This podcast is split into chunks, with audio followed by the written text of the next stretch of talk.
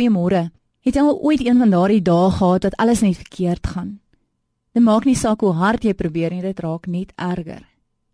Ek dink ons almal het al sulke dae gehad. Dae wat jy voel jou hele wêreld val uitmekaar. Dis seker hoe die disippels moes gevoel het as ons hulle teekom in Johannes 14. Net 'n paar dae gelede het Jesus nog triomfantlik Jerusalem binnegery gekom en almal het uitgeroep: "Hosanna! Geseënd is hy wat kom in die naam van die Here." Die palmtakke rondgeswaai en opgewonde Jesus toe gejuig. Maar tot hulle grootste teleurstelling het Jesus nie gekom om 'n aardse koninkryk te vestig nie. Hy weier die kroon wat die skare hom wou gee. Teleurgesteld met hulle drome van 'n Joodse koninkryk met Jesus op die troon aan skerwe, draai die massas teen Jesus.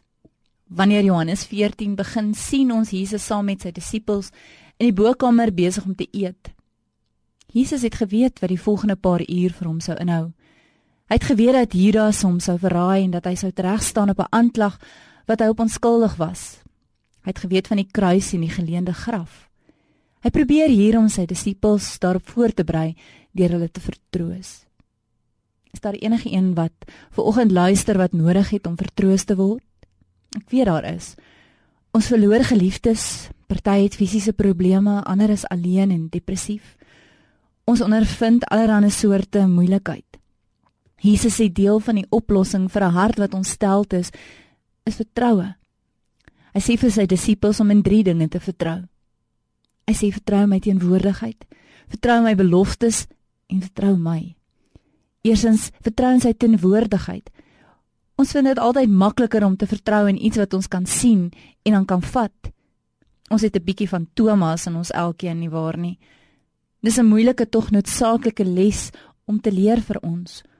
Om te onthou dat wanneer ons probleme en moeilikhede het, ons aan Jesus se beloftes kan vashou dat hy altyd daar is vir ons en ons nooit sal verlaat of in die steek sal laat nie. Ons kan op sy teenwoordigheid in ons lewens staat maak. Tweedens, vertrou in sy beloftes. God het in die Bybel baie beloftes gemaak en hulle almal het in vervulling gegaan. Hy sal nooit 'n belofte maak wat hy nie hou nie. God sê maak nie saak hoe dinge vir jou vandag lyk nie. Of alles vir jou de mekaar en onseker voel hou vas aan my beloftes. En derdens plaas jou vertroue in hom. Jesus sê vertrou my. Dood eenvoudig vir wie ek is. Nie vir wat ek vir jou kan doen nie maar bloot vir wie ek is. Jy sal nie verdwaal nie en jy sal nie die pad byste raak nie. Ek is die weg.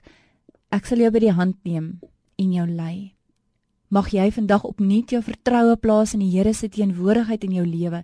Jou vertroue plaas in sy beloftes en jou vertroue plaas in die Here homself.